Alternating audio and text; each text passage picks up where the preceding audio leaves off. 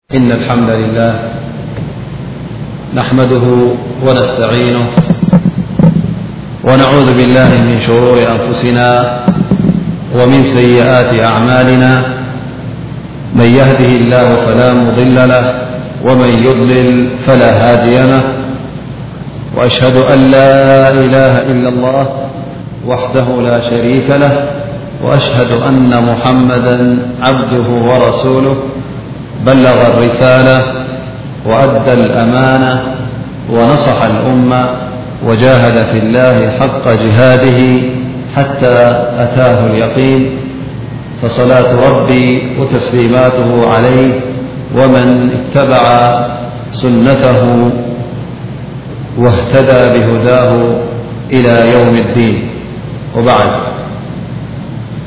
خبركم أحوت خبركم أحد السلام عليكم ورحمة الله وبركاته ي لو معي اسمهرنا مرسنايلنا أرقست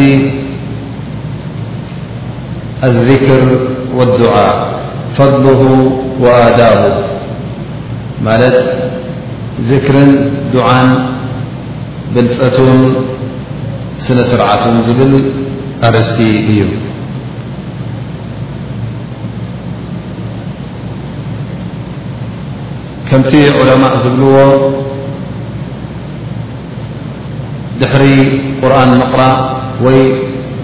ብድሕሪ ብልፀት ናይ ቁርን ምቕራእ እንተ ብመልሓስካ እትገብሮ ዒባዳ ኣሎ ኮይኑ እቲ ዝበለፀን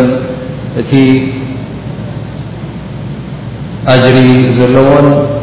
ዚክርን ዱዓን እዩ ይብሉ ማለት እዩ ዚክር ክበሃል እንከሎ ድማ ንኣላህ ስብሓን ወተዓላ በቲ ኣስማቱ ጌርካ ክትጠቕሶን ክትዝክሮን እንከለኻ ከምኡ ውን ንዕኡ ኣንጺህካ ክትዝክሮ እንከለኻ ብተስቢሕ ይኹን ስብሓንላህ ክትብል ብታሕሚድ ይኹን ኣልሓምዱሊላህ ክትብል ከለኻ ከምኡ ውን ብታህሊል ይኹን ላኢላሃ ኢላ ላህ ክትብል እንከለኻ ከምዚ ዝኣመሰለ ናይ ኣላ ስብሓን ወተላ ዚክር ዝተባህለ ኣሎ ንኣላ ስብሓን ወተላ በቲ ብሉጽን ልኡልን ኣስማቱ ክትጠቕሶም ከለኻ እዚ ዚክር ይበሃል ማለት እዩ። ከምኡ ውን እቲ ዱዓ ዝበሃል ድማ ንኣላህ ስብሓንሁ ወተዓላ እናፀዋዕካ እንተ ደኣ ሓጃ ኣለካ ኮይኑ ገለ ትጠልቦ ካብ ኣላ ስብሓን ወተዓላ መቕፊራ ይኹን ኣብ ርእሰኻ ዝወረደካ ጉድኣት ይኹን ወይ ውን ገለ ረብሓ ትደልዮ እንተ ኣሎ ኮይኑ ናብ ኣላ ስብሓን ወተላ ተወጅህካ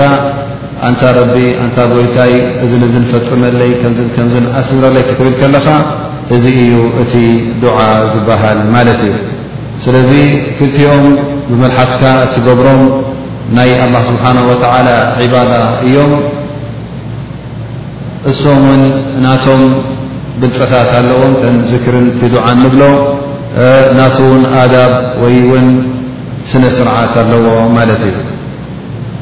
ቀዳማይ ነገር ፈድሊ ናይ ዝክር ክንርኢ እንተ ኮይና ከምቲ ኣብ ቁርኣንን ኣብ ሱና ነብይና ሙሓመድን ሰለላሁ ዓለይሂ ወሰለም እንረኽቦ እዚ ነገር እዚ ዒባዳ ስለ ዝኾነ ኣላ ስብሓን ወተላ ኣብ ቁርን ልከሪም ኣዚዙና እዩ ማለት እዩ ነዚ ትእዛዝ እዚ ሰሚዕካ ክትምእዘዝ ድማ ኣድላይ ስለ ዝኾነ እንተ ደኣ ኣብ ግብሪ ውዒልካዮ ድማ ኣጅሪ እትረኽበሉ ጉዳይ እዩ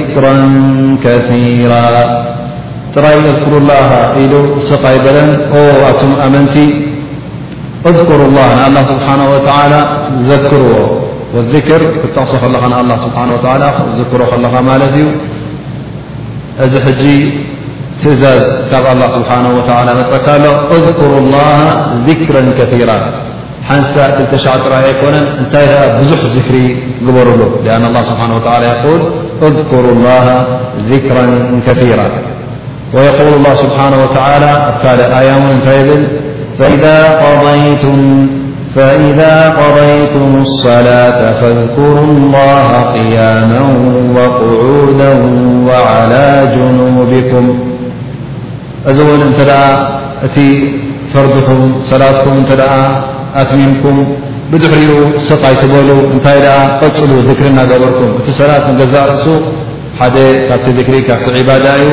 ግን ካብ ሰላት እውን ንእሱይ ጥራይ ዘድሊ ኢልኩም እታ ሰላተይ ኣነስ ሰጊደያ እየ ኩሉ እቲ ዋጅበይ ኣትሚመየ ወዲኤ ኢልካ ስቕ ኣይትበል ፈርደይ ከፊተልካ ስቕ ኣይትበል እንታይ ደኣ ብድሕሪኡ እውን ዚክሪ ግበሪኻ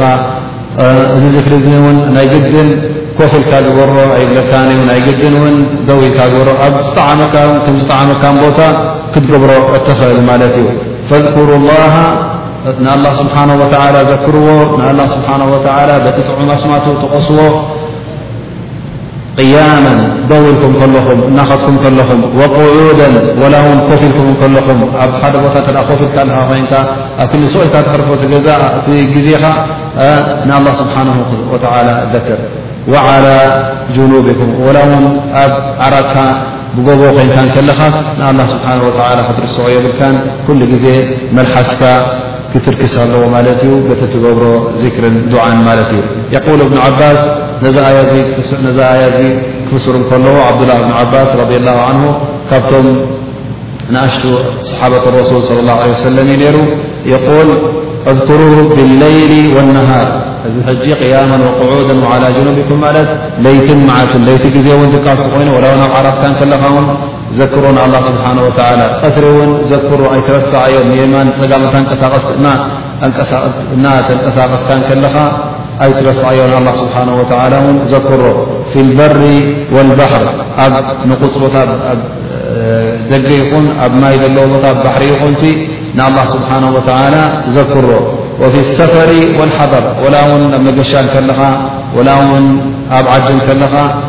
ኣብዚ ቦታታት እዚ ኣይትረሳዕዮ ወላ እውን ኣብ ግዜ ድኽነትካ ወላ እውን ኣብ ግዜ ሓብትኻ ኣብ ግዜ ሕማምካ ኣብ ግዜ ጥዕናኻ ብልብኻ ይኹን ብመልሓስካ ብኹሉ ኩነታትካስ ዘክሮ ማለት እዩ ይብሉ ዓብዱላ እብኒ ዓባስ ስለዚ እቲ ዚክር ዝበሃለሉ ውሱን ሰዓት የብሉን ኣላ ስብሓን ወተዓላ ውን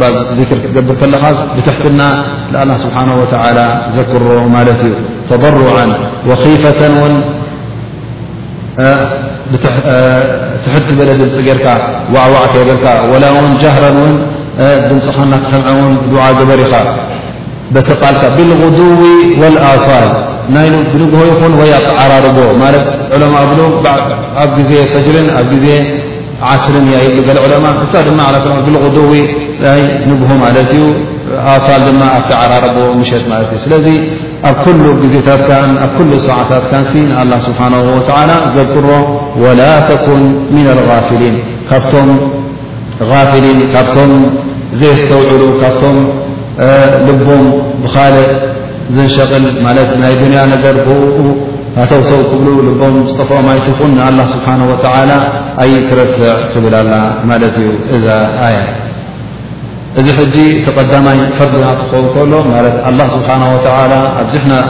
ዚክሪ ክንገብር ስለ ዝኣዘዘና እዚ ድማ ሓደ ካብቲ ዒባዳ ስለ ዝኾነ ክንምእዘዝን ኣብ ግብሪ ከነውዕሉን ኣለና ማለት እዩ እቲ ፈርድናቱ ክንረክብ ከምኡ ውን ፈድል ናይዚ ነገር እዚ ከርእየና ዝኽእል ኣን ላ ስብሓን ወተላ ነቲ ብውሑድ ኣውሒዶም ንኣላ ስብሓን ወተላ ዝዝክርዎ ወይ ከዓ ዘይዝክርዎ እንተ ኣለዉ ኮይኖም እሶም እቶም ሙናፍቒን እዮም ማለት እዩ ማለት ካብቲ ዓላማት ካብቲ ምልክታት ናይቶም ሙናፍቒን እንታይ እዩ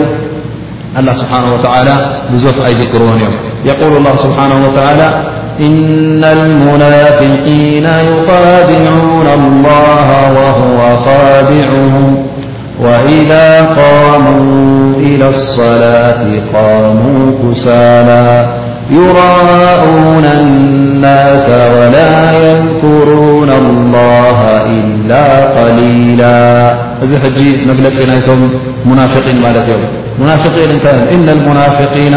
ዩኻድዑን ኣላ እንታይ ይመስሎም ኣሎ ንኣላ ስብሓን ወተዓላ ዘታልሉ ዘለዎ ዩ ዝመስሎም ዘሎ ምኽንያቱ ንሕና ኣብ እስልምና ኣለና ንሕና ኣብ ኢማን ኣለና ይብሉ ብደገ ደገ ግን ኣብ ውሽጢ ልቦም ኢማን ስለ ዘየለ ንኣላ ስብሓን ወተዓላ ዘታልሉ ይመስሎም ኣሎ እዚ ግን ንኣላ ስብሓን ወተዓላ ምትላል ኣይኮነን በል ብኣንፃሩ ኣላ ስብሓን ወተዓላ ሱቕ ኢሉ ግዜ ይህቦም ኣሎ። ግዜ እናሃበ ድማ እሶም ኣብቲ ዝገብርዎ ዘለዉ ዘንብታት ኣብኡ ይቕፅሉ ኣለዉ። ፅባሕ ንግሆ ድማ ጠጥ ኣቢሉ ነዚኦም እውን ኣብቲ ዓዛቡ ከእትዎም እዩ እምበር ተታሊሉ ኣይኮነን ሱቕ ኢሉ ዘሎ ይብል ኣሎ። ወሁወ ኻዲዕሁም ወኢዛ ቃሙ ኢለ ሰላት እንታይ እዩ ሕጂ ካብቲ ድማ ናቶም ሲፋት ናቶም ወይ ከኣ ካብቲ መግለጺታት ናቶም ንሰላት ክትኸዱ እንተ ኮይኖም ኣብ ሰላት እንተ ቀሪቦም ድማ ኩሉ ግዜ ብትህቲት እዮም ዝቐርብዋ ማለት እዩ ምኽንያቱ ናይ ብሃቂ ንያ ስለ ዘየለ ኣብቲ ልቢ ናይ ብሃቂ ኢማን ስለ ዘይብሎም ብትህቲት ስለ ዝቐርቡ የቁሙና ኢለ ሰላት ናብ ሰላት ክቐርቡ ከለዉ ህኩያት ኮይኖም ትረኽቦም ይራኦን ናስ ኩሉ ትስርሖም ድማ እንታይ እዩ ንሰብ ንረኣዩለይ ስምዑለይ መበሊ ጥራይ ረኣዩለይ ስምዑለይ መበሊ ደኣ እምበር ናይ ኣላ ስብሓን ወተዓላ ፍቶትን ሪዳን ዘልኦም ኣይኮኑን ማለት እዩ ኣብ መጨረሻ ወላ የዝኩሩን ላሃ ኢላ ቀሊላ ንኣላ ስብሓን ወተላ ክዘክሮ እተ ኮይኑማ ውሑድ እቲ ዝክርናቶም ምኽንያቱ ኣብ ልቦም ስለ ዘየለ እቲ ናይ እስልምና እቲ ኢማን ኣብ ልቦም ስለ ዘይወቀሮም ስለዚ ንኣላ ስብሓን ወተዓላ ክዝክርዎ ከለዉ ስሕት ኢሎም እዮም ዝዝክርዎ ማለት እዩ እስኻ ውን እተ ከምኡም ስሕት ኢልካ ትዝክሮ እተ ኮይንካ ካብቲ ናይ ሙናፍቒን ጠባያት ገለ ይቐርበካ ኣሎ ማለት ስለዚ ካብዚ ክጥንቀቕ ኣለካ ኩሉ ግዜ ድማ ንኣላ ስብሓን ወላ በቲ ሰናይ ኣስማቱን በቲ ሰናይ መግለፂታቱን ከምቲ ነቢና ሙሓመድ ለ ላ ለ ወሰለም ዝረኣዩና በቲ ኣገባብቲ ክንቀርብ ወይ ከዓ ክንዝክር ኣለና ማለት እዩ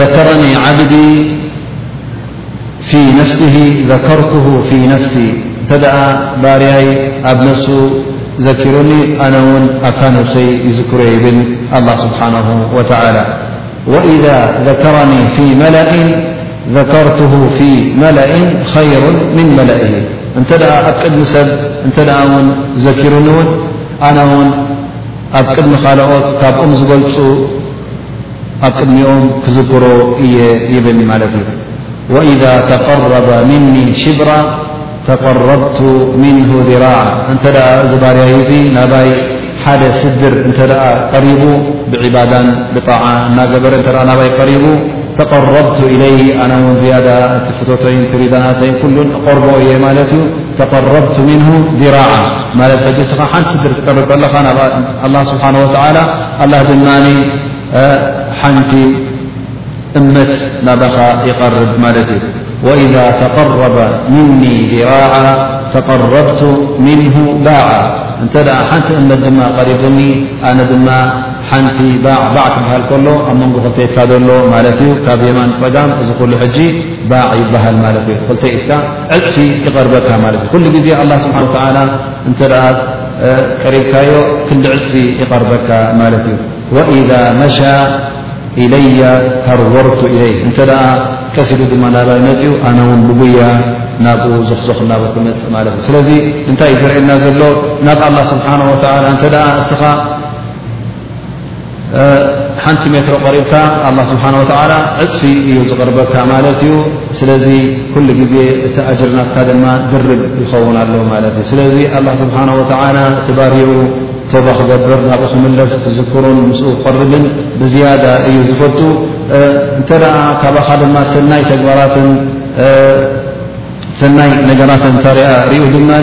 ንኡ ብዕፅፊ እዩ ብዕፅፊ እዩ ንኡ እቲ ኣጅሪን እቲ ናቱ ሞሳን ዝህበካ ማለት እዩ ከምኡ ውን እቲ ካብቲ ራብዓይ ክብል ናይ ዝክር ድማ ኣን ላ ስብሓን ወተላ ኣብ የውም ልቅያማ በቲ ፅላል ናቱ የፅልለካ ማለት እዩ ከምቲ ኩላና ንፈልጦ እዛ ፀሓይ ኣብ ዮም ልቅያማ ዮም ልማሕሸር ክኸውን ከሎ ኩሉ ሰብ ኣብቲ ዮመል ሕሳብ ሕሳብ ክግበር ቁፅፅር ክግበር ፍላን እንታይ ጌርካ ፍላን ኣይተገበርካን ኩሉ ሰብ ይፅበ እዩ ዘሎ ኣብዚ ሰዓት እዚ ከምቲ ኣብ ኣሓዲት ዝመፀ እታ ፀሓይ ዳርጋ ሓንቲ ሚል ዝኸውን ኣብ ልዕሊኻ ትቐርብ ማለት እዩ ክትቀርብ እንከላ ድማ ሃሩ ብርቱዕ እዩ ፀሓይ ብርቱዕ እዩ ከምቲ ኣብ ሓዲ ዝመፀ ኩሉ ሰብ ከከም ዘንብታት ናቱ እታ ፀሓይ ትጎድኦ ማለት እዩ ገለ ሰብ እቲ ረሃፅ ናቱ ኣብ ዓካር ዓካሪት ይበፅሕ፣ ገለ ድማ ኣብ ቦርጩ፣ ገሊኡ ኣብ ፍርቂ ነብሱ፣ ገሊኡ ድማ ኣብ ክሳዱ፣ ገሊኡ ድማ በቃ ሙሉእ ነብሱ ብደጥብቆ ኣሎ ማለት እዩ። ስለዚ ኣብዚ ሰዓት እዚ እስኻ ፅላል ትደልየሉ ሰዓት ኣለው ሸውዓተ ሰባት ፅላል ዝረኽቡ ይብል ነቢና ሙሓመድ ሰለላሁ ዓለይሂ ወሰለም። ሰብዓቱ ዩظልሁም ላሁ የውመ ላ ظላ ኢላ ظሉ ሕጂ እዞም ሸውዓተ ጠብዓ ካብኦም ኢማም ዓድል ማለት ፍትሐኛ ዝኾነ መራሒ ክኸውን ከሎ ሻብ ነሸኣ ፊ ጣዓት ላህ ሓደ ድማ ጎበዝ እተ ኮይኑ ኩሉ ግዜ ኣብ ጉብዝና ዘሎ ወዲ ሰብ ናይ ኣዱንያ ነገራት ስለ ዝዕሹ ክጋገ ስለ ዝኽእል እዚ ሰብ እዚ እንተ ኣብ ጣዓ ናይ ኣላ ኣብ ምእዘዛ ናይ ኣላ ስብሓን ወላ ተ ኣሕሊፍዎ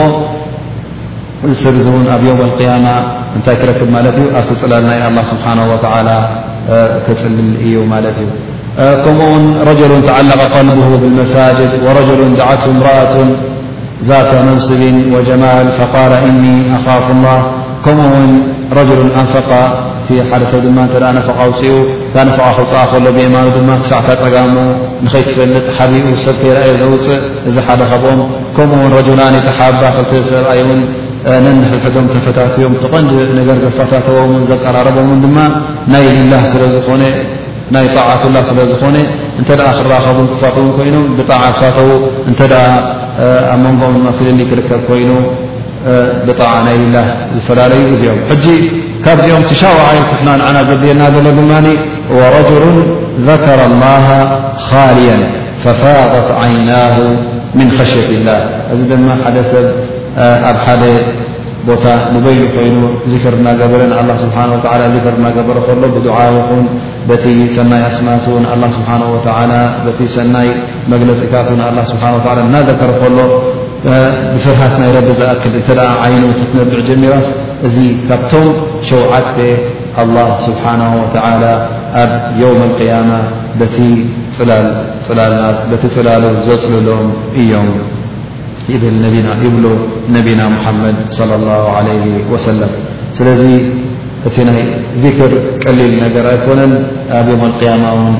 ካብቲ ሃሩር ካብቲ ጸሓይ ዘሎ ካብኡ ውን ከድሕነካ ይኽእል እዩ። ከምኡ ውን ካብቲ ብልጸታት ናይዚ ዚክር ዘርእየና ውን ኣና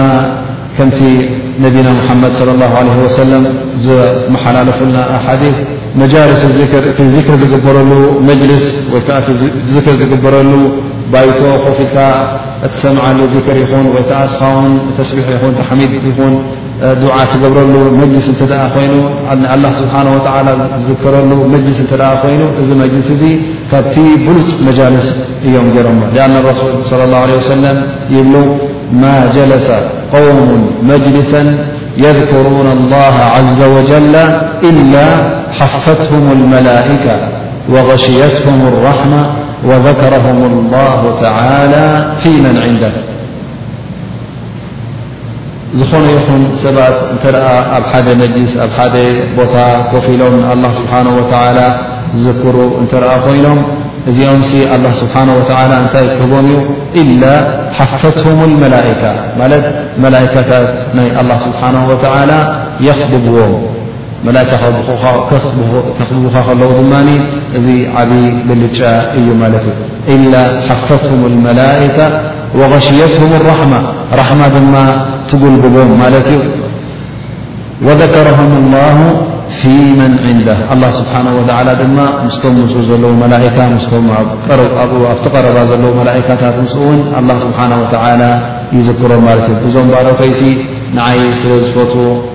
ንዓይ ስለ ዝፈርሁ ንዓይ ስለ ዝምእዘዙ እነውልኩም ዱዓ ይገብሩ እነውልኩም ዝክሪ ይገብሩ እነውልኩም ቃል ላ ቃል ረሱሉ ላ ይሰምዑ ኣለዉ ይብል ማለት እዩ እዚ ሕጂ መን ይረኽቦ ቀሊል ነገር ኣይኮነን መላካ መፅኣ መላካ ክተኽብበካ ከላ እቲ ራሕማ ናይ ረቢ ንኹላህካ ክዕልል እንከሎ ኣላ ስብሓን ወተዓላ ውን እስኻ ሓንቲ ዘይብልካ ባርያ እንከለኻ ብኣኻ ተገዲሱ እቲ ትገብሮ ዘለኻ ውን ደስ ኢልዎ ኣብቶም መላእካታት ኣብቶም ብሉፃት መላእካታት እቶም ምእዙዛት እቶም ኩሉ ግዜ ናይ ኣላ ስብሓን ወተዓላ ትእዛዝ ዝሰምዑ ዘንቢ ዘይፍፅሙ ኣብ ቅድሚኦም እዚኦም እዮም ባሮተይ እዚኦም እዮም ሰብ ሰና ኢሉ ኣብ ቅድሚኦም ክጠቕሰካን ክዝክረካን እንከሎ ዓብዪ ብልጫ ከም ምዃኑ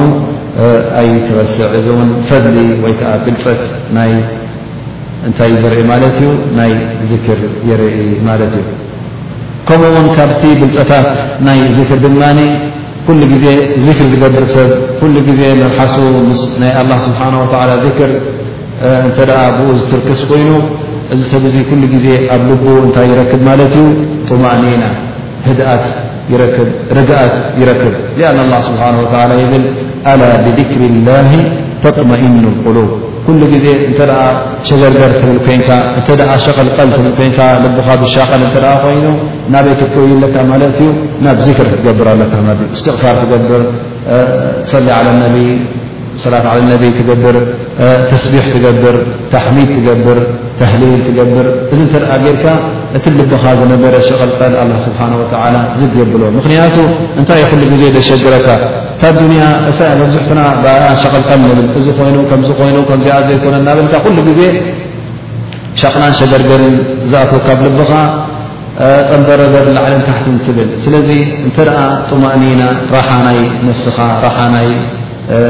ልብኻ እንተ ደልካ ኮንካ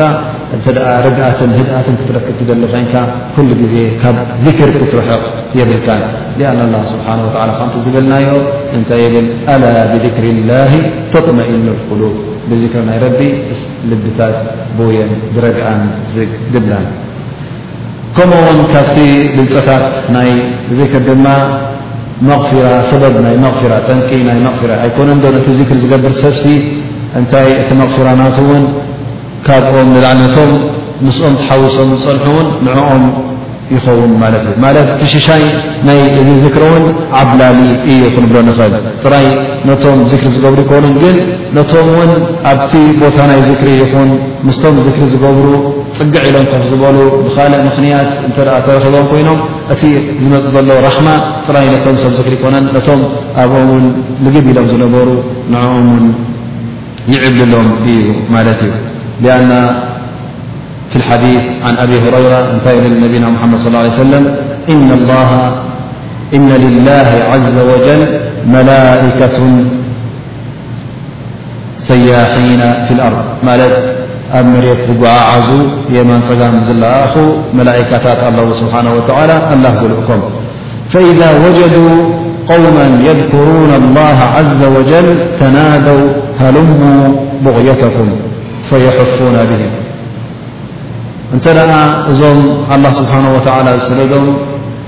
ይሪኡ ይሪኡ እሞ እንተ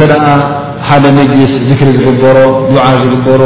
ኣላ ስብሓን ወተዓላ ዝዝከሮ እንተ ሪኦም ንዑ ንዑ ኢሎም ይፀዋውዑ እታ ዝድልይዋ ነገርሲ ተረኺባላ የልዎም እሞኒ ኣብዚ መጅልስ እዚ ይርከቡ ኣብዚ መጅልስ እዚ ተረኺቦም ድማ የሕፉኖም ከምቲ ዝበልናዮ ይኸብዎ ማለት እዮም ብድሕሪኡ ምስ ተጨረሰ እቲ መልእኽቶም ምስ ተጨረሱ ድማ ግዜኦም ምስ ኣከሉ ናብ ኣላ ስብሓን ወተዓላ ናብ ሰማይ ይምለሱ ማለት እዩ ላ ስብሓን ወተዓላ ኩሉ ነገር ይፈለጥ እዩ ግን እዚኦም እውን ስርሖም ስለ ዝኾነ እንታይ ጌርኩም መፅእኩም እንታይ ርኢኹም መፅእኩም ኢሎ ይሓቶም ኣላ ስብሓን ወተዓላ ፈኣይ ሸይን ተረክቱም ዕባድ የስምዑን እዞም በሮተይሲ እንታይ ገብሩ ፀኒሖም ኹም እንታይ ከ እናገበሩ ገዲፍኩሞም ይብሎም ፈየቁሉን እንታይ ይብሉ ተረክናሁም የሕመዱነክ ويمجدونك ويسبحونك ت حن نطفم كلنا نع ن أمسكن يحمدونك ويمجدونك نع بخبر ن ذكر كبرت نهبون كمن ن سبحن سبحان الله نالون قدفن يم يبل ኣላህ ስብሓን ወተዓላ የስኣሎም ሀል ረኣውኒ እዚኦምሲ እዚ ኹሉ ምስጋናን እዚ ኹሉ ውዳሰን እዚ ኹሉ ክብርን እዚ ኹሉ ምህለናን ንዓይ ዘመሓላልፍዎ ዘለዉስ ርኦምኒ ድኦምሲ ወይስ እንታይ እዩ እቲ ንዕኦም ከምዚ ዘብሎም ዘሎ ኢሉ ዩ ሓቲ ኣላ ስብሓን ወተዓላ ኣላ ገ እቶም መላእካ ድማ ገ ኣይረኣዩኻን ኣይረኣዩኻን እባ ይብሉ እሞ እዚኦምሲ ተዝርእዩሉስ ከመይ ምኾ ነይሩ ከመይ ምኾኑ ነይሮም ይመስለኩም ኢሉ ኣላ ስብሓን ወተዓላ ነቶም መላእካ ይሓቶም እቶም መላእካ ድማ ካኑ ኣሸደ ታሕሚደን ወተስቢሓን ወተምጂደን ካብቲ ሕጂ ዝገብርዎ ዘለዉ ኣብሊፆም ብዝያዳ መመስገኑኻን ብብዝያዳ መወደሱኻን ብዝያዳ ክብሪ ምሃቡኻን ብዝያዳ ድማ ተስቢሕ ምገበሩልካን ይብልዎም ማለት እዩ ብድሕሪኡ ድማ ካብ ምንታይ ከ ይዕወዙ ካብ ምንታይ ክረሕቁ ኸ ዱዓ ይገብሩ ይብሎም ካብ ሓዊ ጀሃነብ ካብቲ ስቓያት ናብታ ካብኡ ንኽረሕቁ ን ዱዓ እናገበሩ ገዲፍናዮ እሞ እዛ ጀሃንም ሪኦማ ድም ኣይረኣይዋን ክሳዕ ክዲ ዝፈርዋ ኢሉ ኣላ ስብሓን ወተላ እውን ይሓቶ ኣይ ኣይረኣይዎን እሞ ተዝሪእዋ ዳኣ እንታይ ንገበሩ ነይሮም ኢሉ ኣላ ስብሓን ወተላ እንደገና ይሓቶም እንደገና ድማ ሰም ይብሉ እንተዘርእዋ ነይሮም ብዝያዳ ድማ ተዓውዝ ምገበሩ ብዝያዳ ድማ ካብኣ ክረሕቁ ምፈተኑ ነይሮም ከምኡ ውን ብዛዕባ ናይ ጀና ይሓቶም እንታይ ከጠልቡ እንታይ ከ ክሓቱ ጸኒሖም ኢኹም ንጀና ሃበና ጀና እናደልዩ ንጀና ክጠልቡ ጸኒሖምና እሞ እዛ ጀናስ እንታይ ሪኦምላ እዮም ሪኦማ ድዮም ቅድሚ ሕጂ ኢሉ ኣላ ስብሓና ወተዓላ ይሓቶም ኣይ ኣይረኣይዋን ይብሎም እሞ እንታይ ዳኣ ተዝርእዋ ዳኣ እንታይ ንገበሩ ነይሮም መስለኩም ኢሉ ኣላ ስብሓን ወተዓላ ይሓቶም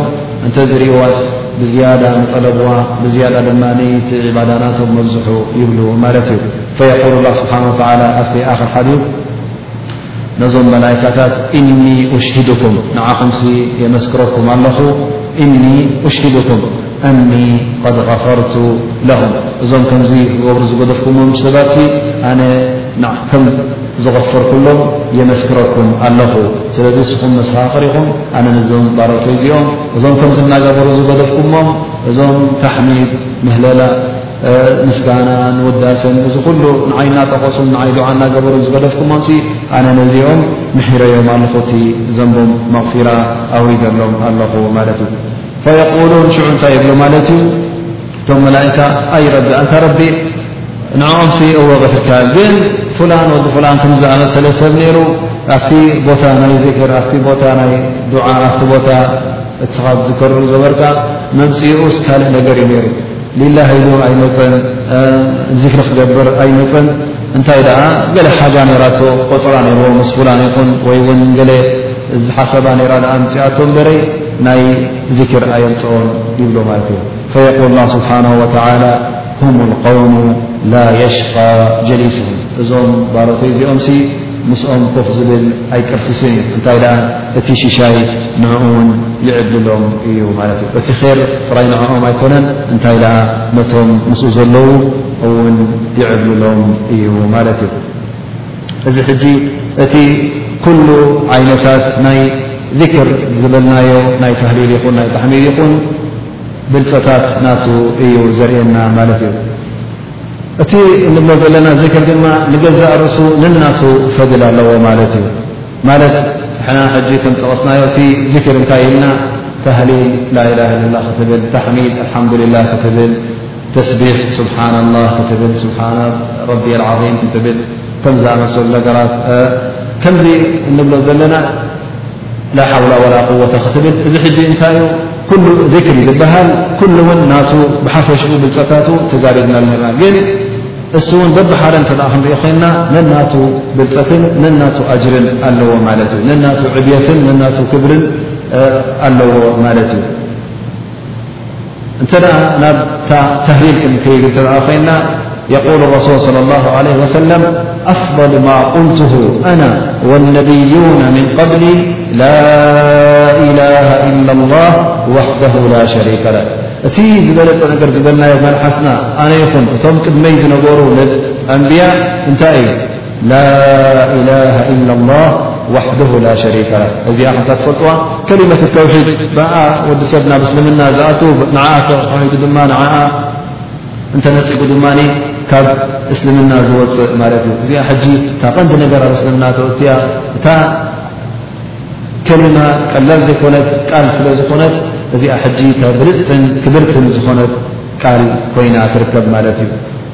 ፈኣፍደሉ ማ ቃለ ረሱል ዝበለፀት ነገር ዝበልኩዋ እንተ ኣላ ኮይና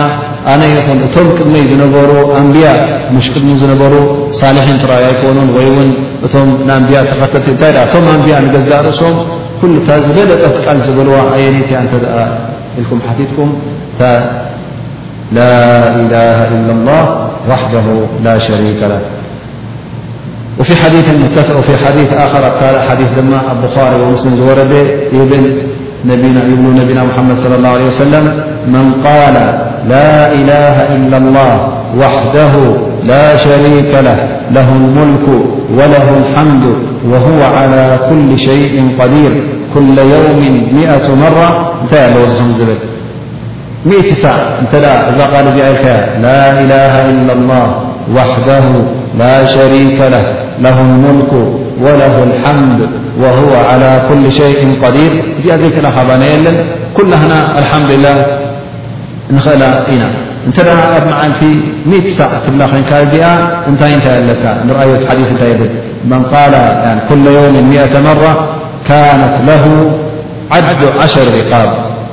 ማለት ልክዕ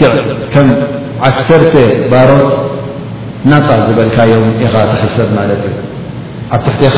ዓሰርተ ባርያ ነይሮም እንተ ኮይኖም ልወጅሂ ላህ ሊላህ ተዓላ እዞም ገንዘበይ ዝኸሰርኩሎም ገንዘበይ ዝገዛእኩሎም እዞም ንዓይ ዝሰርዑለይ ዘለዉ ንዓይ ዘገልግሉ ዘለዉ ሊላህ ኢለ ፈንየዮም እዩ ክትብል እንከለኻ እንታይ ይኸውን ማለት እዩ እዚ እዚአን እንተገበርካ ልክዕ ከምቲ ኣጅሪ ኣለካ ማለት እዩ።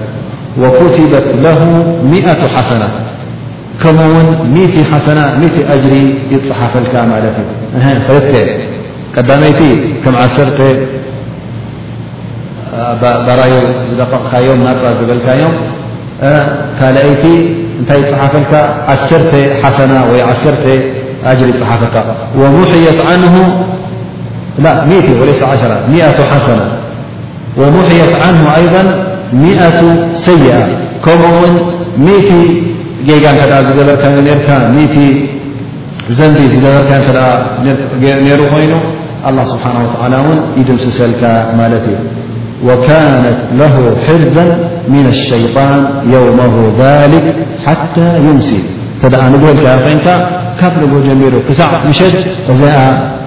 እዘን ሚእቲ ዝበልካየን ቃላት ሕርዚ ኮይነና ከኣ ይውዕላ ማለት እዩ። ሕርዚ ክንብሎ ከለና መከላኸሊ ማለት እዩ። ስለዚ ኣብ ዓድና እታ ሕርዚ ትበሃል ጠብዓ እዛ ኣብዚኣ ጠልጠል ተብላ እያ። ኣብ ክንዲ ብመልሓስና ንብላ ንሕና ነንጠልጥላ ነርና እቲ ጌጋ ንገብሮ ነበርና ማለት እዩ። ስለዚ ኣብ ክንዲ ነቲኣ ተንጠልጥል ሕጂ እንታይ ምግባር ሓይሽ ማለት እዩ። መልሓስካ ንግሆ ምስ ተሳእካ ድሕሪ ፈጅሪ ኮይኑ፣ ፀሓይ ምስ በረቐ ኮይኑ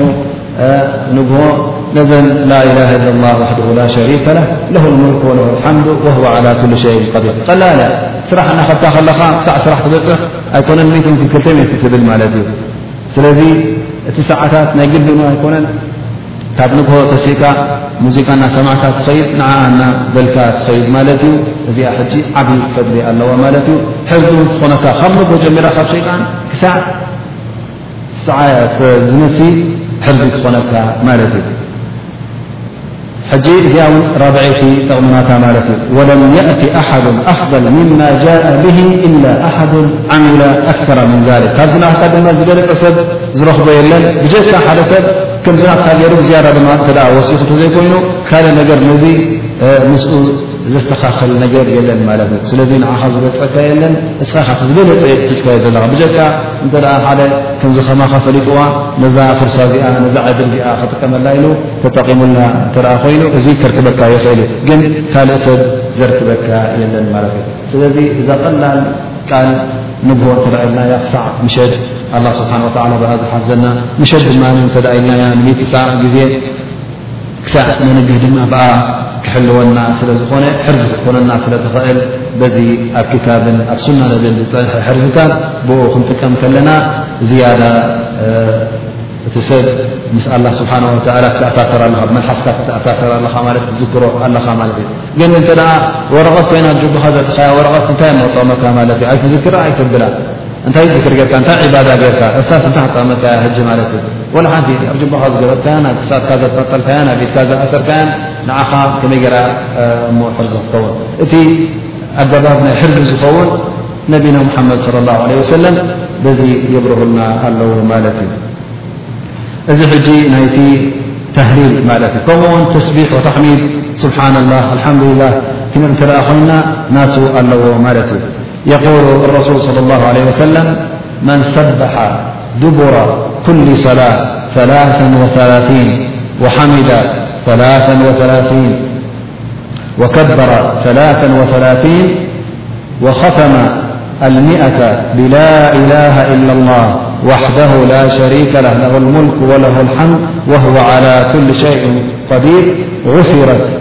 ذኑቡሁ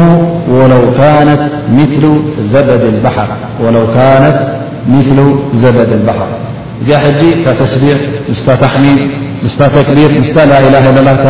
ዝበልናያ ታህሊል ብሓሳብ እንተ ደኣ ድማ ሓዋዊስካ ንታይ ትረክብ ማለት እዩ እዚኣ ብሕሪ ሰላት ትገብራ ኩሉ ግዜ ወልሓምዱላ መብዛሕትና እውን ዳርጋ ንገብራ ኢና ግን ሰላሳን ሰለስተን ስብሓንላ ክትብል ሰላሳን ሰለስተን ኣልሓምዱልላ ክትብል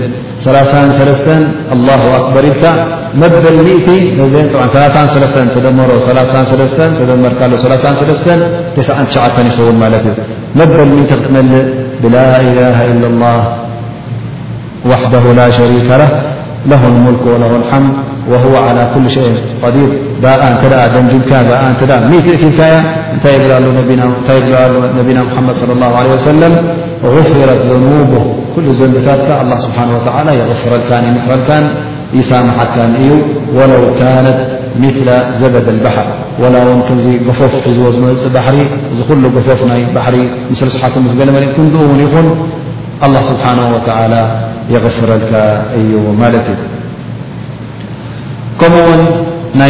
تسبيح تأخن خينا يقول الرسول صلى الله عليه وسلم كلمتان خفيفتان على اللسان ثقيلتان في الميزان حبيبتان إلى الرحمن سبحان الله وبحمده سبحان الله العظيم زين ت تسبيحتحمد بين النسن مالت መጀመርያ ናይ ታህሊል በይና ርኢናዮ።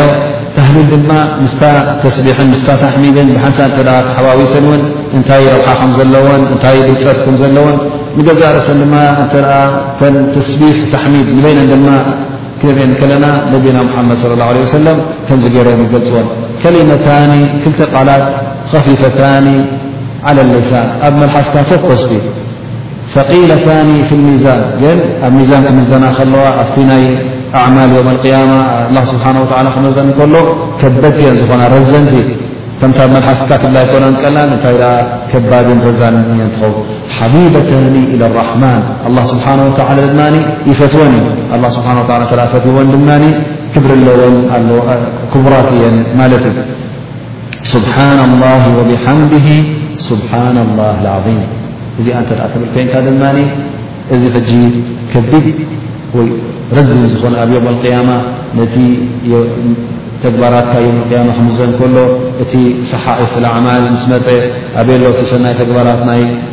ፍላን ክበሃል እንከሎ እቲ እከይ ተግባራቱ ከ በየና ኣሎ ክበሃል እንከሎ ክልቲኡ ይምዘን እሞ እንተ ከምዝኣመሰለ ቃላት ነርኳ ኮይኑ ከቢድ ስለ ዝኾነ ነቲ ብዙሕ ዝነበረ ዘንብታት ንኩሉ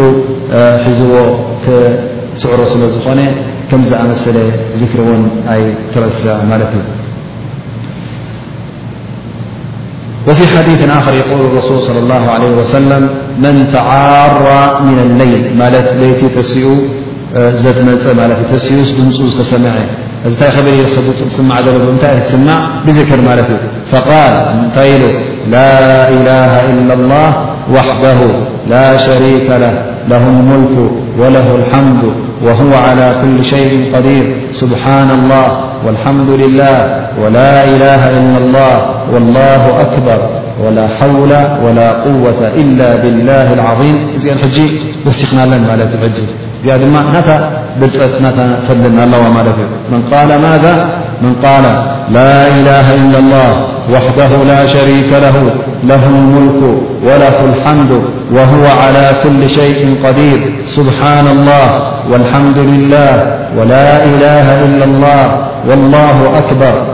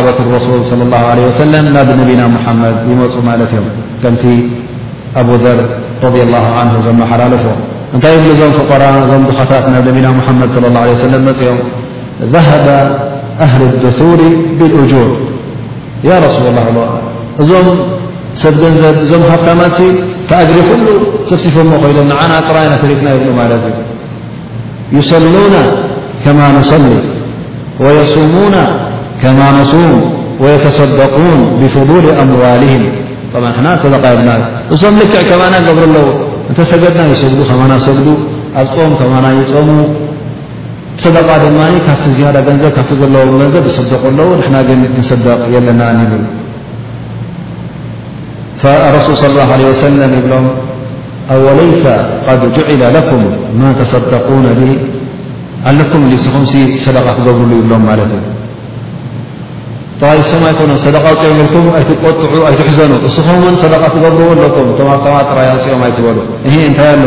ፈየቁል ረሱል صለ ላ ለ ወሰለም እነ ብኩል ተስቢሓት ሰደቃ ስለዚ ኣነ ገንዘብ የብለይን ሞ ሰደቃ የውፅዒ ኣለኹ ኢልካ ኣይትሸገር ኣይትሕዘን ኣለካ ስኻ ውን ሰደቃታት ተውፅኦ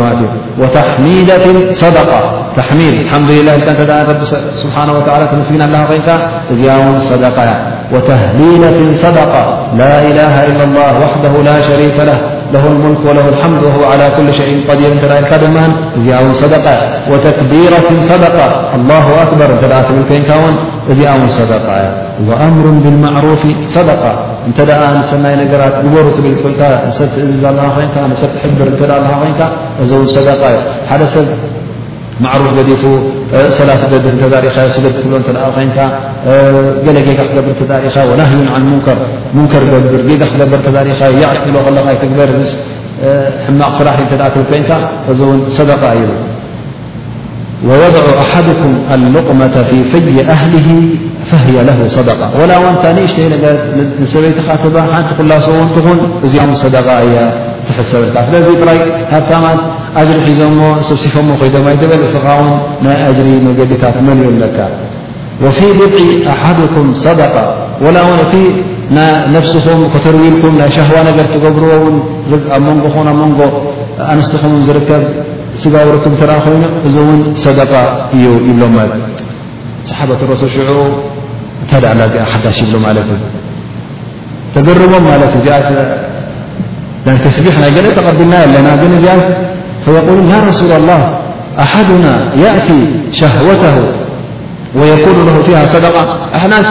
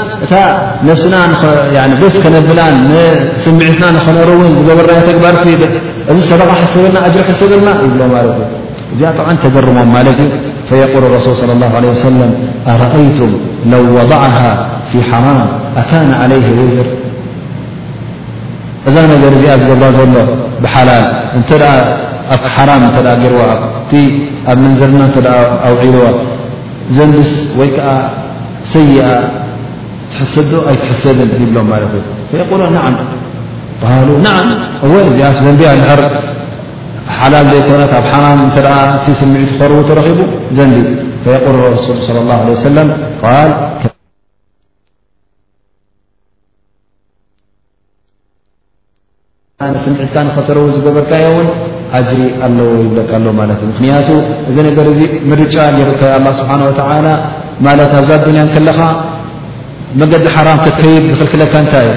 እቲ ፍርሃት ናይ ረቢ እንተዘይኮይኑ ካልእ ነገር መን ይኽልክለካ ማለት እዩ? ዝኽልክለካ የለን። ስለዚ ኣብ ሓራምን ክትገብሮ ክእለት ሂቡካ ከሎ ኣብ ሓላልን ክትገብሮ ክእለት ሂቡካ ከሎ ካብ ክልቲኡ ግን ፍርሃት ናይ ረቢ ስለ ዘለካ ናይ ሪባ ፍቶት ናይ ረቢ ስለ ዝመረፅካ ኣብ ክንዲ እዚ ነገር እዚ ብሓራምን በቲ ኣላ ስብሓን ወተዓላ ዘይፈትዎ ኣገባብን እትገብሮ እንታይ ደኣ በቲ ኣላ ስብሓን ወተዓላ ዝፈቐደልካ መንገዲ በቲ ኣላ ስብሓን ወተዓላ ዝፈትዎ መንገዲ ጌርካ ብኡ ክትፍፅሞ ከለኻ ኣጅሪ ትረክብ ማለት እዩ እዚ ሕጂ እቲ ኣጅሪ ውን ሰዳቕታት ውን ብዙሕ መገድታት እዩ ዘለዎ ጥራይ ገንዘብ ምውፃእ ኣይኮነን እቲ ብመልሓስና ንብሎ ተስቢሕ ታሕሚድ ዝብልናዮ ትቐንዲ ንዓና ኣብዚ ናይ ሎም መዓልቲ ኣርእስትና ዝተኣሳስር እሱ ስለ ዝኾነ እሳ እያ እታ ክንረጋግፃ ንፈቱ ማለት እዩ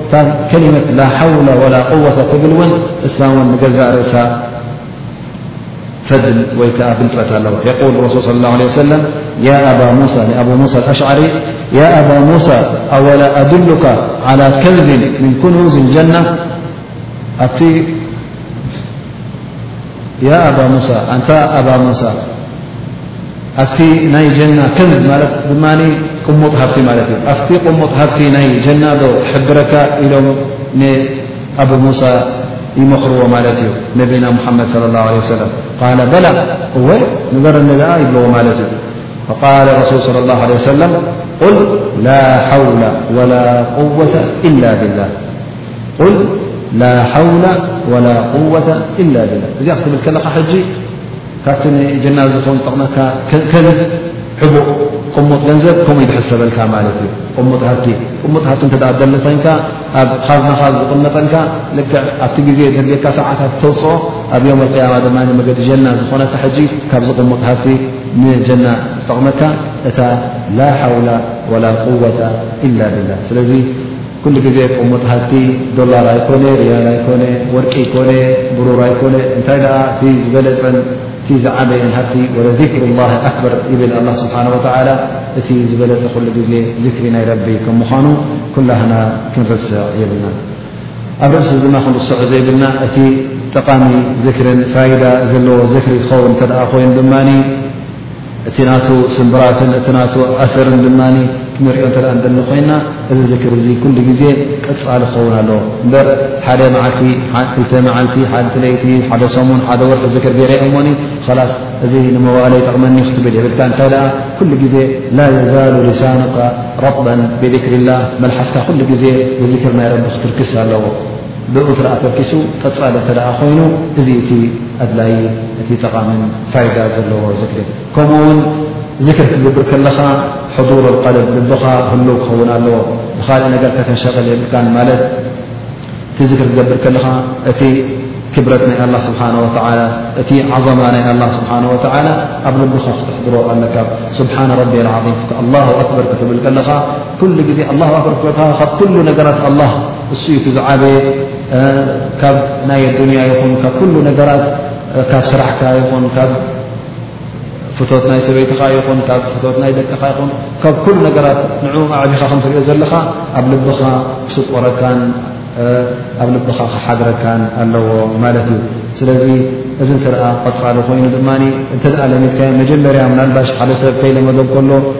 ክርሰዕ ክንደይ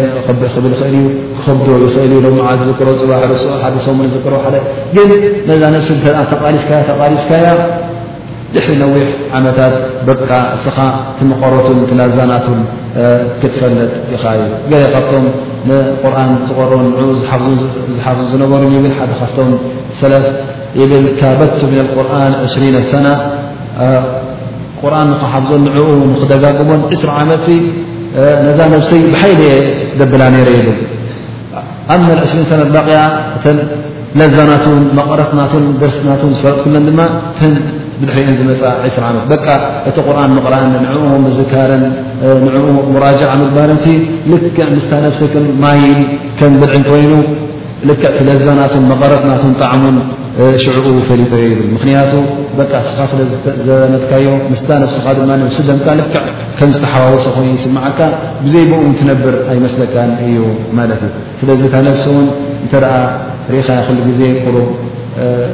መድፋእን ምትብባዕን ትደሊ ከም ምኳና ክንፈልጥ ኣለና ማለት እዩ እዚ ናይ ዚክር ክኸውን ከሎ ኣብ ዱዓ ድማ እተ ሓሊፍና ከምቲ ዝበልናዮ ዱዓ ኩሉ ግዜ ዱዓ ጠለብ ማለት እዩ ክትሓትት ከለኻ ገለ ነገር ካብ ኣላ ስብሓን ወላ ረብሓ ይኹን ሓደ ጉድኣት ድማ ክርሓቐልካ እተ ትሓትት ኣላ ኮይንካ እዚ ዱዓ ይበሃል ማለት እዩ የቁል ስብሓን ወላ ን ኣላ ውን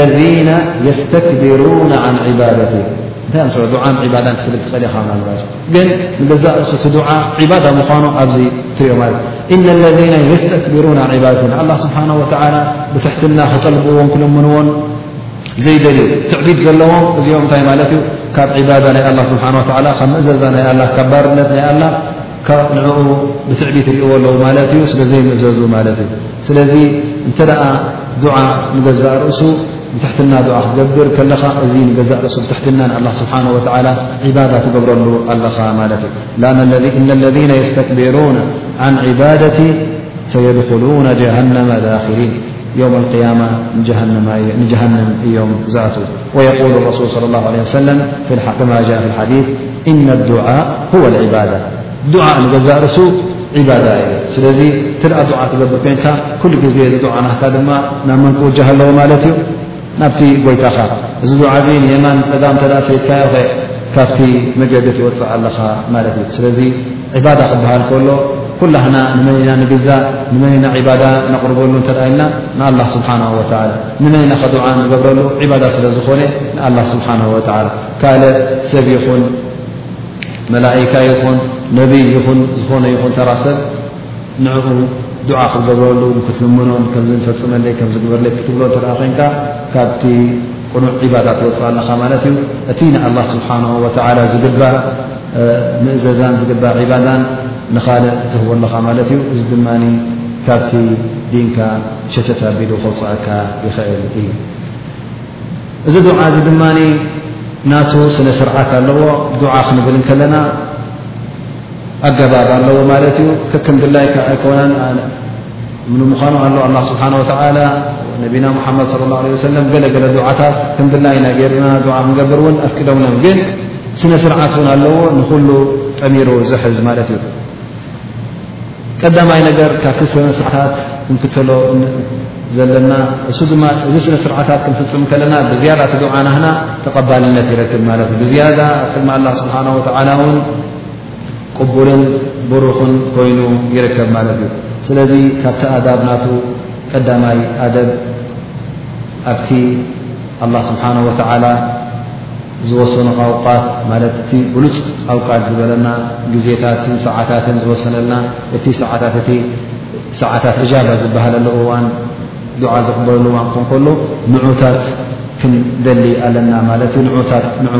ከነናዲ ኣለና ማለት እዩ። እሳ ክትመፅእ እንከላ ከነሕልፋ የብልናን ማለት እዩ። ንኣብነት ኣብ ዓመት ሓንሳ ትመፅእ ኣላ ሓንቲ መዓልቲ ኣላ ኣላ ስብሓን ወተዓላ ናይ ዱዓ ዝቕበለላ መዓልቲ ገይርዋ እሳ ድማ የውም ዓረፋ እያ ማለት እዩ። ከምኡ እውን ኣብ ዓመት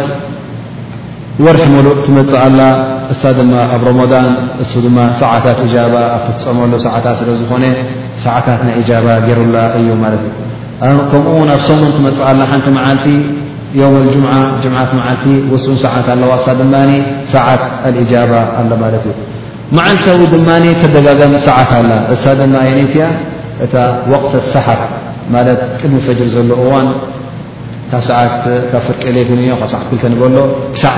ፈጅሪ ዘሎ እዋን እዚ ሕጂ ወቅት ኣሰሓር ይበሃል ሊኣን ረሱል ስለ ላ ለ ሰለም ሊኣን ላ ስብሓን ወላ የቁሉ ፊ ክታብ ዓዚዝ ነቶም ሙእምኒን ክጠቕሶም ከሎ እንታይ ይብል ወብልኣስሓሪ ሁም የስተቕፊሩን ኣብቲ ግዜ ናይ ሰሓር ዝተባሃለሉ እዋን ኣቦታት መቕፊራ ይሓቱ እዮም ይብል ከምኡ ውን ከምቲ ኣብ ሓዲ ዝመፀ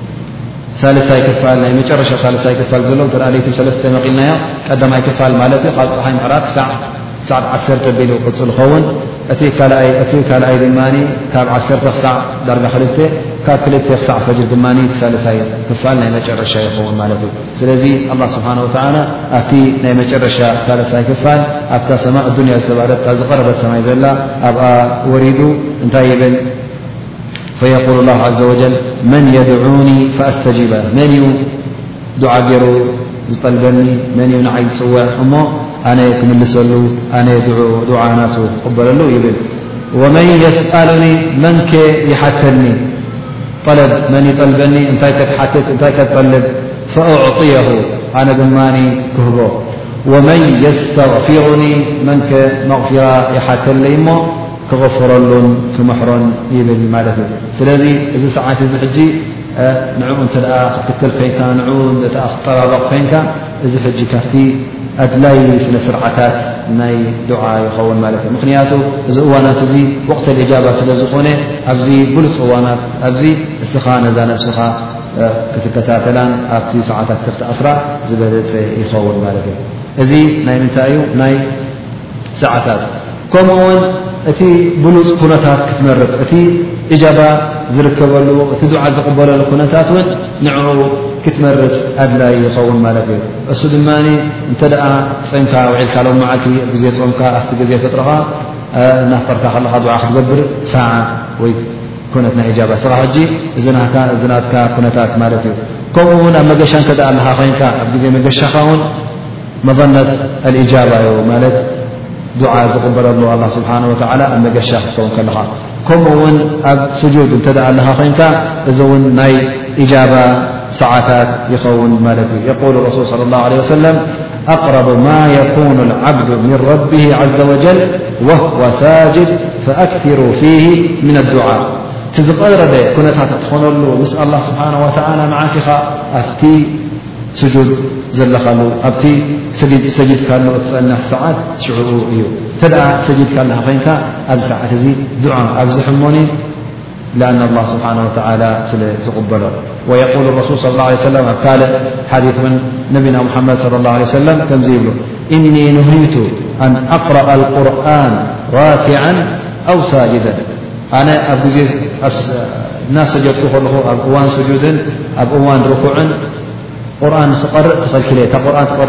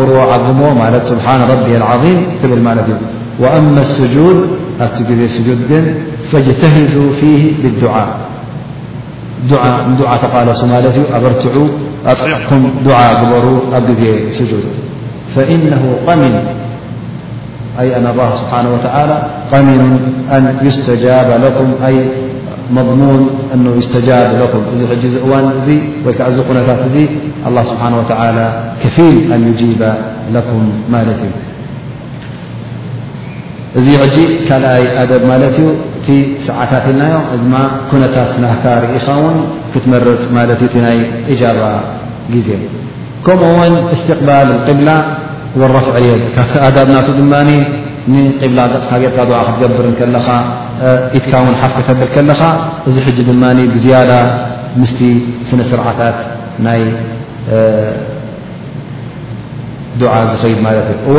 ወላ እውን ገፅካ ንዘይ ቂብላ እንከሉ እተ ገይርካ ኮይንካ ጌጋ ኣይኮነን ምኽንያቱ ረሱል ስለ ላሁ ለ ሰለም ሓደ ግዜ ሓደ ኣዕራበ መፅኡ ረሱል ስ ለ ሰለም እናኸጠቡ ከሎ እናኸጠቡ ከለዉ ያ ረሱላ ላ ኢሎ ሃለከት ኣምዋል ወንዓት ሱቅ ወንቀጣዓ ስቡል ደቂ ስለ ትረኽበ ሓደ ኣዕራቢ መፅኡ ያ ረሱላ ላ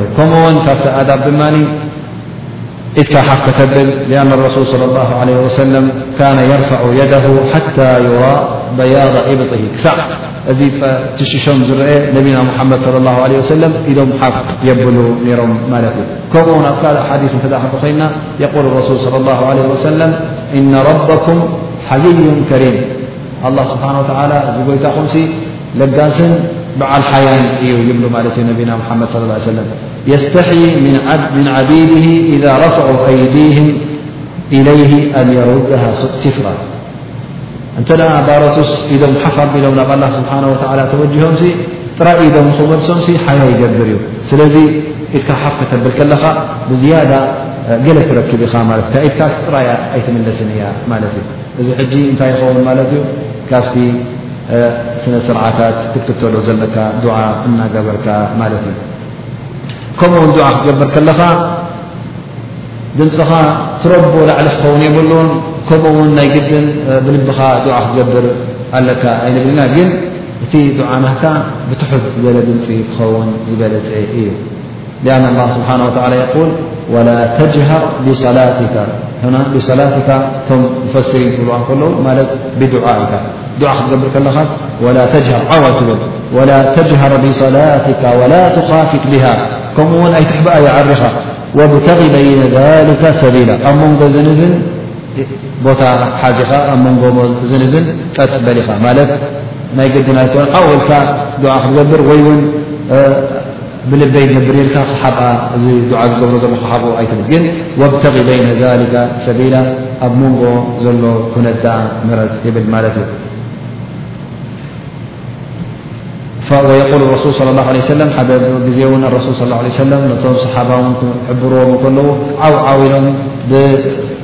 ዓው ዝበለ ድምፂ ብሰብ ዝሰምዖ ድምፂ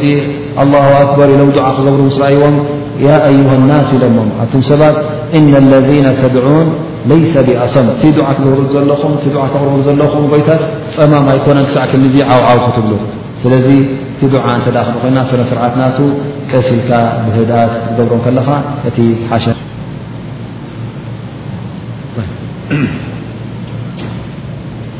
ሓሙሻይ ስነ ስርዓት ሓሙሻይ ኣደብ ድማ ከምቲ ዕለማ ዝብልዎ እንተ ዱዓ ክገበር ኮይኑ እዚ ዱዓ እዚ ድማ ብዝያዳ ናበይ ክቃደብ ኣለዎ ናብቲ ትሕዝቶን ናብቲ ፍርሃት ረብን ናብቲ ትሕትናን ናብቲ ነብሱ ኣሕስር ኣቢሉ ክቕርባን ናብ ክቃደብ ኣለዎ ዳኣ እምበር ኣብ ናይ ፊደላትን ቃላትን ምስራዕ ኣብኡ ብዝያዳ ከተኩር የብሉን ማለት እዩ። ከምቲ ዝብልዎ ንኣብነት ኣላ የተከለፍ ኣሰጅዕ ተከሉፍ ክገብር የብሉን ሰጅዕ ንከምፅእ ሰጅዕ ዝብ ቋንቋ ዓረብ እንታይ ማለት እዩ እቲ ቃላት ክተምፅኦ ከለካ መጨረሽትኡስ እታ ፊደል ሓንቲ ክትከውን ማለት እዩ። ቃል ኣምፅእካ መጨረሽ ንኣብነት ራራ ወይ ባባባ ወይ ታእታ ክኸውን እ ንዚታት ክትመርፅ ን ክትደሊ ነብስኻ ክትፍዕል የብልካን ማለት እዩ ምክንያቱ እተ ከምኡ ክትገብር ኮንካ ትቐት ሓሳባትካ ከሉ በይ ክኸይድ ማለት እዩ ቃላት ክትመርፅ ቃላት ክትደሊ እኻ ትኸይድ ዘለኻ ኣ እምበር እቲ ኣቃልቦናትካ ኣብቲ ናይ ኣላ ስብሓን ወተላ ክብረትን ኣብቲ ናህካ ዱዓን የለን ማለት እዩ እንታይ ደኣ ኣብቲ ናይ ቋንቋ ናይ መልሓስ ምትዕርራይ ናይ ፊደላት ምምራፅ ቃላት ምምራፅን ኣብኡ ይጠፍእ ኣሎ ማለት እዩ ከምቲ ገሊኦም ዝብሎ ገለ ዕለማ ወቃል ባዕም እድዑ ብሊሳን ድለቲ ወልእፍትቃር ብመልሓስ ሕስረትን ድኽመትን ድኽነትን ብኣ ጥበብ ድኣ እምበር ላ ብሊሳን ልፈሳሓቲ ወልእንጥላቅ ኩሉ ግዜ ፍሲሕ ክትኸውን መልሓስካን በቲ ፅሩይ ቋንቋ ክትመርፅ ኣደኒ ድዓ ክገብር ከለኹ ኣይትበል ማለት እዩ ስለዚ እቲ ኣቃልቦናትካስ ኣብቲ ቃላት ምራፃ ይኹን እንታይ ድኣ ኣብቲ ናይ ኣላ ስብሓን ወተላ ክብረት ኣብ ልብኻ እሱ ክርከብ እስኻ ውን እታ ነፍስኻ ብትሕትናን ሕስረትን ናብ ኣላ ስብሓን ወተላ ክትቕርባ ከምኡ ውን እቲ ናህካ ድልት እቲ ናህካ ሓጃ ኣብኡ ክተተኩር ኣለካ ማለት እዩ ኣ እበር ናይ ቃላት ን ራእሲ ብዙሕ ክሸግረካ የብሉን ማለት እዩ ከምኡ ውን ድዓ ክትገብር ከለኻ ድማ ሻድሻይ ስነስርዓት ድማ ኣብዚ ድዓ እዚ ድማ ሕጊ ክትግህስ የብልካን ማለት ዶብ ሓሊፍካ ወይ ገደብ ክትሰግር የብልካን ማለት እዩ። እዚ ማለት ከኣ ኣልእዕትዳእ ፍዱዓ እብሮ ካብቲ ዝፍቅደካስ ካብኡ ዶብ ሰጊርካ ወይ ከኣ ደረት ሰጊርካ ኣብ ካልእ ክትሓልፍ የብልካን ማለት እዩ። የቁሉ ላህ ስብሓነሁ ወተዓላ እድዑ ረበኩም ተበሩዓን። وخفية إنه لا يحب المعتدين أي المعتدين في الدعاء ويقول الرسول صلى الله عليه وسلم سيكون قوم يعتدون في الدعاء نتي مالت ل علماء ن فصر ل اعتداء في العهث أب دعاء حج مجهث وي ك ደረት ጥሒስካ ናብ ካልእ ምሕላፍሲ እንታይ ማለት እዩ ኢሎም ክጠቕሱ ከለዉ ቀዳማይ ነገር ይብሉ ካብቲ እቲ ዱዓ ማእሱር ወይ ከዓ ካብ ነቢና ሙሓመድ ስለ ላሁ ለ ሰለም ዝፀንሓና ዱዓታት እንተ ዳኣ ኣሎ ኮይኑስ ንዕኡ ጠንጢናስ ባዕልና ሓዱሽ ዱዓ ብሓንጎልና ከነምፅእ የብልና እንታይ ደኣ እቲ ማእሱር ዝተባህለ ዱዓ ብኡ ቀጥ ኢልና ንዑ ክንሕዝ ኣለና ኣብ ዱዓ ኣለና ስፍታዕ ሰላት ንገብሮ ዱዓ ኣሎ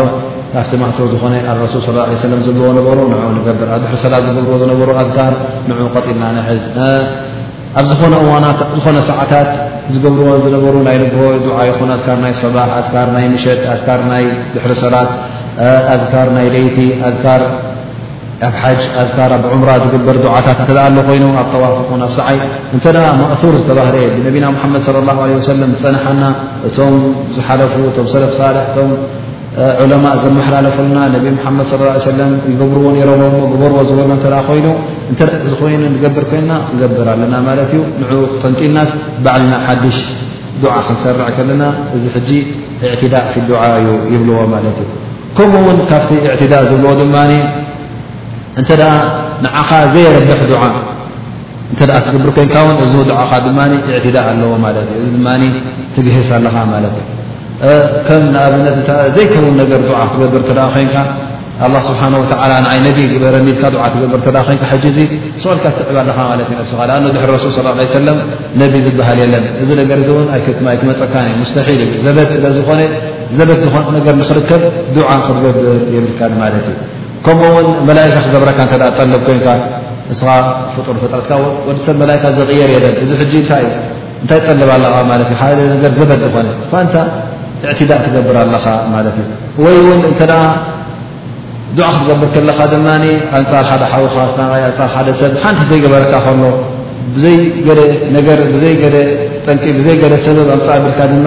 ኣንታ ረቢ ነዚ ሰብ ኣትክዮ ኣፍቅሮ ነዚ ሰብ እዚ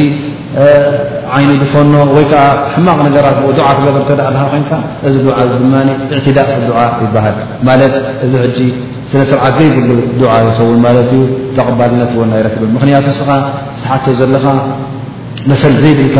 ባዕልኻ ጥርሓ ሒስካ ካ ትሓልፍ ዘለኻ ማለት እዩ እዚ ድማ ካብ ሕጊ ስለ ዝወፃእካ ስነ ስርዓት እውን ስለ ዘይገበርካ እቲ ዱዓኻ ተቐባልነት ኣይረክብን ስለዚ ስነ ስርዓት ዘለዎ ዱዓ ክኸውን ኣለዎ ስርዓቱ ዝሓዘ ክኸውን ኣለዎ እቲ ተቐባልነት ዝረክብ ዱዓ ማለት እዩ ከምኡ ውን ኣብቲ ዱዓ ከምቲ ዝበልናዮ ትሕትና ክህልዎ ኣለዎ ፍርሃት ረቢ ክህልዎ ኣለዎ ኣብ ርእሲኡ ድማ ረባ ወራህባ ዝሓዘ ዝኸውን ኣለዎ ማለት እዩ ረባ ወራህባ ክበሃል ከሎ ድማ ኣራህባ ፍርሃት ማለት እዩ ኣረቕባ ድማ ሓደ ነገር ንክትረኽቦ ትምኒት ክህልዎ ኣለዎ ማለት እዩ ስለዚ ኩሉ ግዜ ናብ ኣላህ ስብሓን ወተዓላ ክትቀርብ እንከለኻ ከምቲ ኣላህ ስብሓን ወተዓላ ዝብሎ ኢነሁም ካኑ ዩሳርዑና ፊ ልኸይራት ወየድዑነና ረغበን ወረሃበን ማለት እንታይ ማለት እዩ ነታ ጀና ንክትረክብ ጠሚዕካ ዱዓ ትገብር ካብቲ ጀሃነ ፈሪህካ ድማ ዱዓ ትገብር ዱዓ ክትገብር ከለካ ድማ ካብቲ ቁጣዓ ናይ ኣላ ፍርሃት እናገበርካ ዱዓ ትገብር እቲ ዝደልዮ ድማ እንታይ ጠልብ ማለት እዩ እንታይ ጥምዕ ኣለካ ማለት እዩ ፍቶት ናይ ረቢ ሪዳ ናይ ረቢ ንክትረክብ ከምኡ ውን ኣብዛ ኣዱንያ ዘጓንፈካ እከይ ነገር ንኸይጓንፈካ ፍርሃት ብናገበርካ ዱዓ ትገብር ሰናይ ነገራት ኩሉ ግዜ ከጓንፈካ ኣላ ስብሓን ወላ ሽሻያት ከመልኣልካ እዛ ኣዱንያኻ ድማ ናጠማዕካ ዱዓ ትገብር ማለት እዩ ስለዚ እቲ ዱዓ ናካ ውን ረቕባን ረህባን ዝሓዘለ ክኸውን ኣሎ ኩሉ ግዜ ጥራይ ሓደ ዓይነት ንብሕ ዘይብሉ ኩሉ ግዜ ጥራይ ሰናይ ሰናይ ፍርሃት ረብርሕዕካ እከይ ከይረኽበካ እዚ ነገራት እዚ ካብ ሓንጎልካ ከተርሕቆ የብልካን ምኽንያቱ ወዲ ሰብ ኣብዛ ኣዱንያ እዚኣ ኸይርን ሸርን የጓንፎ እዩ ስለዚ ስኻ ነቲ ኸይር ንኽትረክብ ትጥምዕ ካብቲ ሸር ድማ ኣብቲ ሸር ንኸይትወድቕ ድማ እናፈራህካ ክልቲኡ ብሓደ ሓዚልካ ብሓደ ጠሚርካ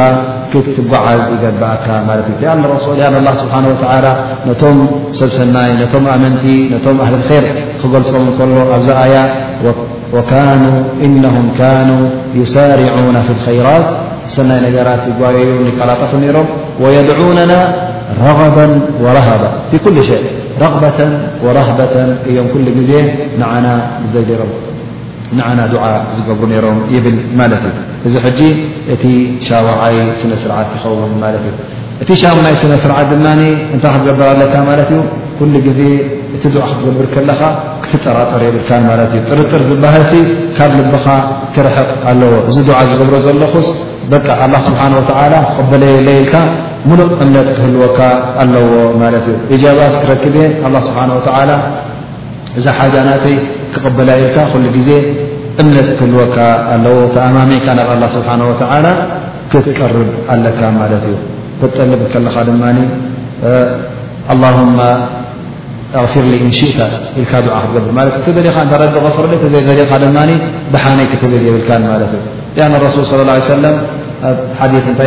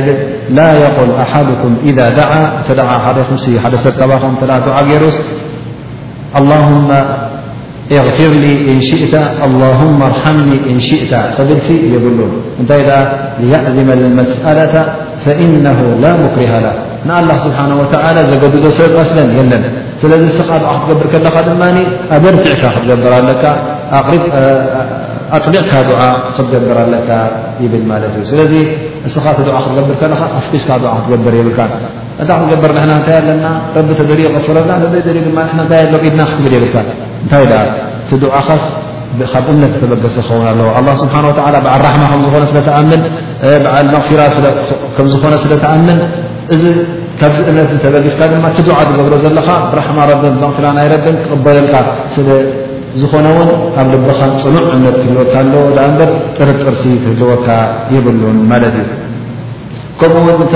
እዛ ነብስኻ ኣብ በዓልቲ ዘንቢ ገለ ተረኣኻያ ውን ኣነስ ዘንቢ ለኒ ገለብሬታት ኢልካስ ዝሕጥሕጥ ክትብል የብልካ ሊኣና ሱፍያን እብን ዑየይና ዝተባህለ ካብቶም ዑለማ እዩ ነይሩ እንታይ ይብል ላ የምናዓና ኣሓድኩም ምን ኣዱዓ ማ የዕለሙ ምን ነፍሲ ማለት ሓደ ሰብሲ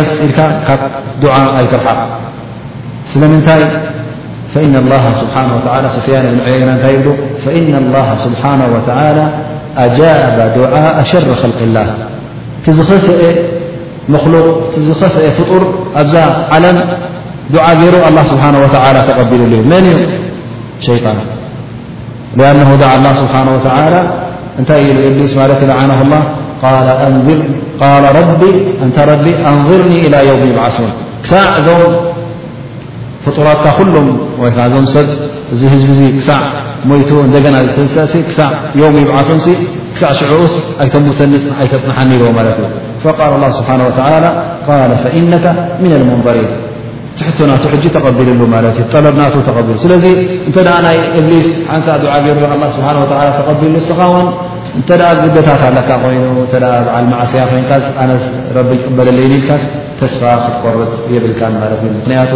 ኢነሁ ላ የይኣሱ ምን ረውሒ ላህ ኢላ ልቀውሙ ልካፊሩን እዚ ካብ ኣላ ስብሓን ወተላ ተስፋ ክትቆርጽ ቁኑዕ ኣይኮነን ማለት እዩ ከምኡ ውን ካብቲ ኣዳብ ወይ ከዓ ስነ ስርዓታት ናይ ድዓ ኣን የልሓ ፊ ድዓ ድዓ ክገብር ከሎ ኢልሓ ክደጋገም ኣለዎ ሓንሳ ክልተሻዕ ገይረ ድዓ እሞ እንታይ ዩ ላሳ ተቐበለኒ ሱቕ ክብል የብሉ ክልተ ሰለስተ ሻዕ ገይረ ክደጋገም ኣለዎ ማለት እዩ ሊኣነ ረሱል صለ ላه ለ ወሰለም ካነ ኢዛ ደዓ ደዓ ሰላث ወኢዛ ሰኣላ ሰኣላ ሰላث ኣላ ስብሓን ረሱል ስ ለ ሰለም ንኣላ ስብሓን ወላ ክሓት ከለውን ዓ ክገብሩ ከለውን እቲ ድዓኦም ውን ድዓ ውን ይደጋግምዎ ነይሮም ማለት እዩ እዚ ሕጂ እንታይ ዩ ኢልሓ ደጋጊምካ ደጋጊምካ በቃ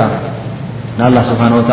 እዚኣ መላኣለይ እዚኣ ስምረለይ እዚኣ ግብርለልካስ ክደጋግም እዚ ሕጂ ካብቲ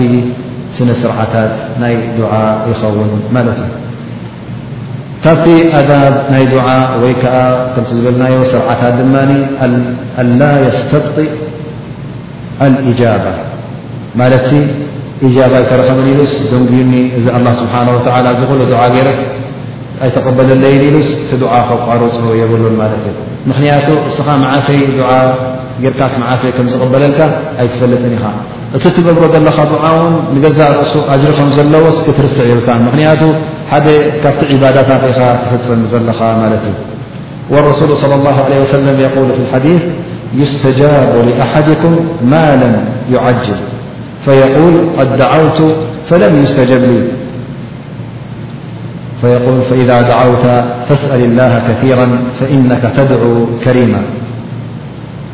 ስለዚ ኣላህ ስብሓን ወተዓላ ዱዓኹም ኩሉ ግዜ ይቕበሎ ዩ እንተ ደኣ ደንጉዩና ደንጉዩና ዘይትብል ኮንካ ማለት እዩ ፈላ ስብሓን ወተዓላ ክቕበለልካ እዩ ስለዚ እንተ ደኣ ዱዓ ትገብር ኮንካ ዱዓኻ ኣብዝሕ ወላ ስብሓን ወተዓላ ከሪም ለጋስ ስለ ዝኾነ እውን እቲ ዱዓኻት ከም ዝቕበሎ ክጠራጠር የብልካ እወ ምናልባሽ ዕዱም ጌርካ ይኸውን፣ ሓንቲ መዓልቲ ይሓልፍ፣ ክልተ መዓልቲ፣ ሰሙን፣ ወርሒ፣ ዓመታት ውን ይሓልፍ ይኸውን ግን ክቕበለለይ ኢልካስ ተስፋ ከይቆረጽካ እቲ ዱዓኻ ክቕጽል ኣለዎ ማለት እዩ። ከምቲ ኣብ ሓዲስ ዝመጸ እውን ኣብ ካልእ ሓዲስ እዚ እትገብሮ ዘለኻ ዱዓ እስኻ ምናልባሽ ኣይተቐበለለይን ትብላ ኣለኻ ትኸውን ደኣ እምበር ሰለስተ ረብሓ ከም ዘለዎ እውን ክትርስዕ የብልካ ቀዳማይ ነገር ዱዓ እንተ ትገብር ኮይንካ ወይ ኣላ ስብሓን ወተላ እታ ትገብራ ዘለኻ ዱዓ ተቐቢሉ እጃባ ክትረክብ እያ ማለት እዩ ክትምለስልካ እታ ዱዓኻ ሰምረልካ ማለት እዩ እዚኣ ሓንቲ ፋይዳ ማለት ናይ ዱዓ ወይ እውን እዚ ዱዓ ትገብሮ ዘለኻ ንዮም ልቅያማ የቐመጠልካ እዲኻር ዮም ልቅያማ እገብረልካ ማለት እዩ እቲ ዱዓ ናካ ንገዛእ ርእሱክት ዝበልናዮ ዒባዳ ስለ ዝኾነ ንዮም ልቅያማ ምስቲ ኣጅርታትካ